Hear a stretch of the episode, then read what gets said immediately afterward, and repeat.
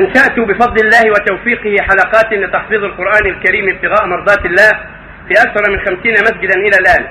وكنت قد وعدت كل طالب يحفظ جزءا من القرآن أن أعطيه خمسين ريالا. ولكني أخشى أن يكون هدف الطالب الحفظ بغرض الخمسين ريالا فقط فينشأ على حب المال وأكون أنا السبب في ذلك وأخشى على عقيدتي. فهل أوفي بعهدي لهم علما بأن الخمسين ريالا تشجعهم على الحفظ فعلا؟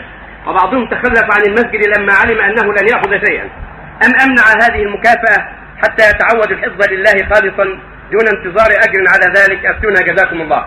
لا نعلم بأسا في هذا. وهذا إن شاء الله عمل صالح. لأنهم يتعودون حفظ القرآن ثم يأتيهم الله للإخلاص في العمل كما يروى عن بعض السلف أنه تعالى أنه قال تعلم العلم لغير الله فهذا أن يكون إلا لله.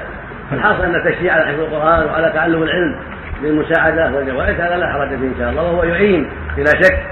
على الاستمرار في طلب العلم وفي حفظ القرآن فنرجو أن لا يكون في هذا شيء وأن زاد المال مأجور. لكن من غير الزكاة؟ يكون من مال آخر غير الزكاة. فإن الطالب قد يكون غنيا لا يستحق الزكاة. تكون هذه الأمور من غير الزكاة. إلا إذا علم أن الطلبة فقراء وشجعوا بالمال يدرسوا ويتحفظوا القرآن وهم فقراء يعني أهلهم فقراء لا يستطيعون القيام بشؤونهم هذا لا بأس من الزكاة. نعم.